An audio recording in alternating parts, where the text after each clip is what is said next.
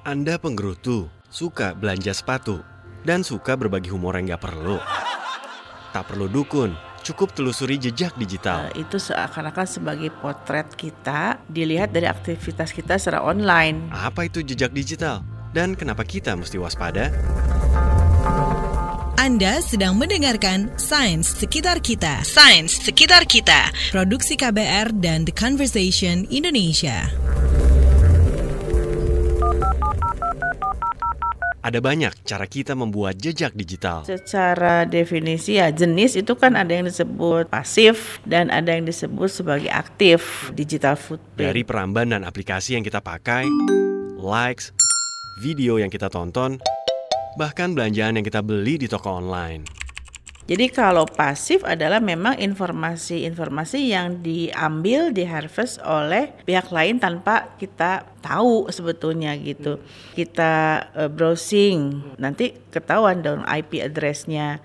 Kemudian kalau kita sedang belanja, nah nanti di sana kan biasanya pakai yang namanya teknologi cookies. Nanti kelihatan uh, jejaknya, trailnya. Sadar tak sadar, semua data tersebar membentuk potret diri, bayangan kita. Inilah jejak digital kita. Welcome to the Internet, your gateway to adventure.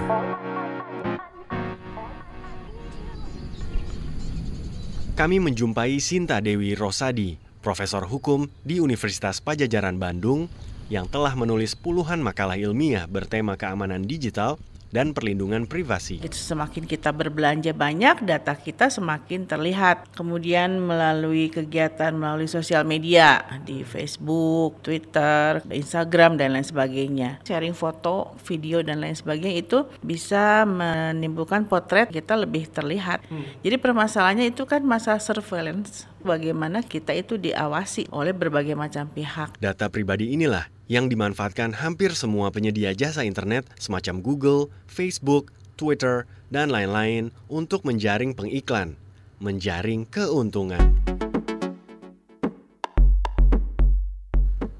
Bayangkan begini, Ani suka menonton, likes, dan memposting gambar sepatu di internet.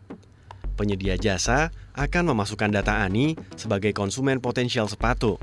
Tak heran, iklan-iklan yang Ani jumpai di lini masanya adalah iklan sepatu. Anda penyuka mobil, akan muncul iklan mobil. Anda pecinta pornografi, maka hmm, ya itu. Baik, Tina. Uh, apakah ada pertanyaan lain tentang exchange program ini? Atau pernah lihat iklan ini? Semuanya sudah jelas, Bu. Terima kasih. Perempuan ini hampir saja mendapat beasiswa ke luar negeri. Kami sangat senang Tina sudah datang di interview terakhir ini. Kami sangat terkesan. Ya. Tapi gagal karena penyelenggara menemui jejak digitalnya dihiasi sumpah serapah dan penyiksaan binatang. Ini buat kalau.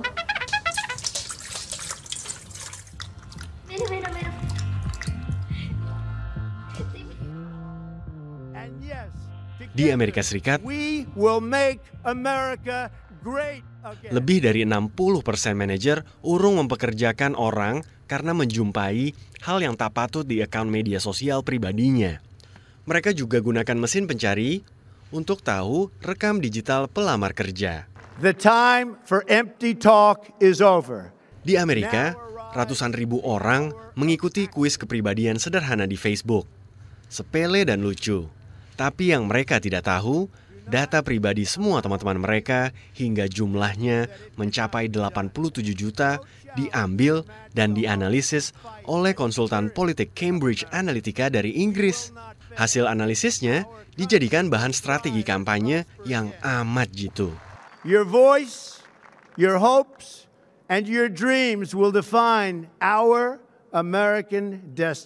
hingga mampu mengarahkan pemilik suara untuk memilih Donald Trump dalam pemilihan presiden Amerika pada 2016.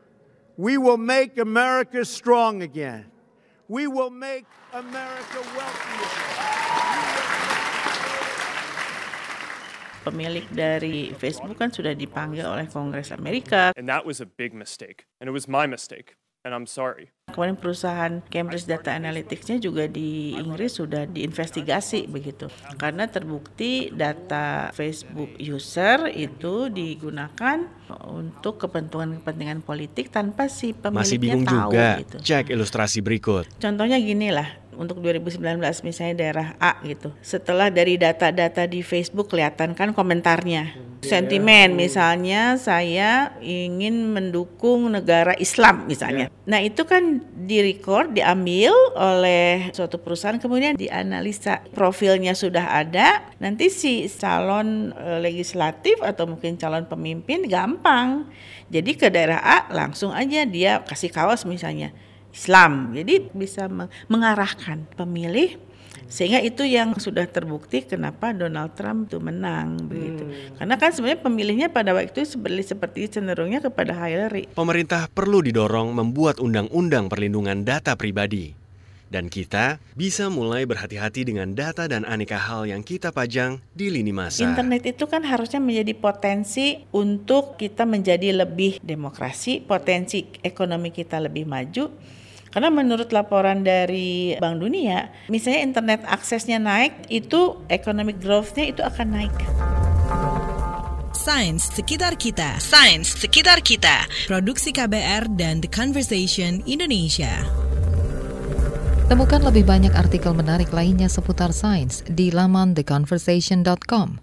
Sampaikan juga kritik atau saran Anda ke redaksi at theconversation.com.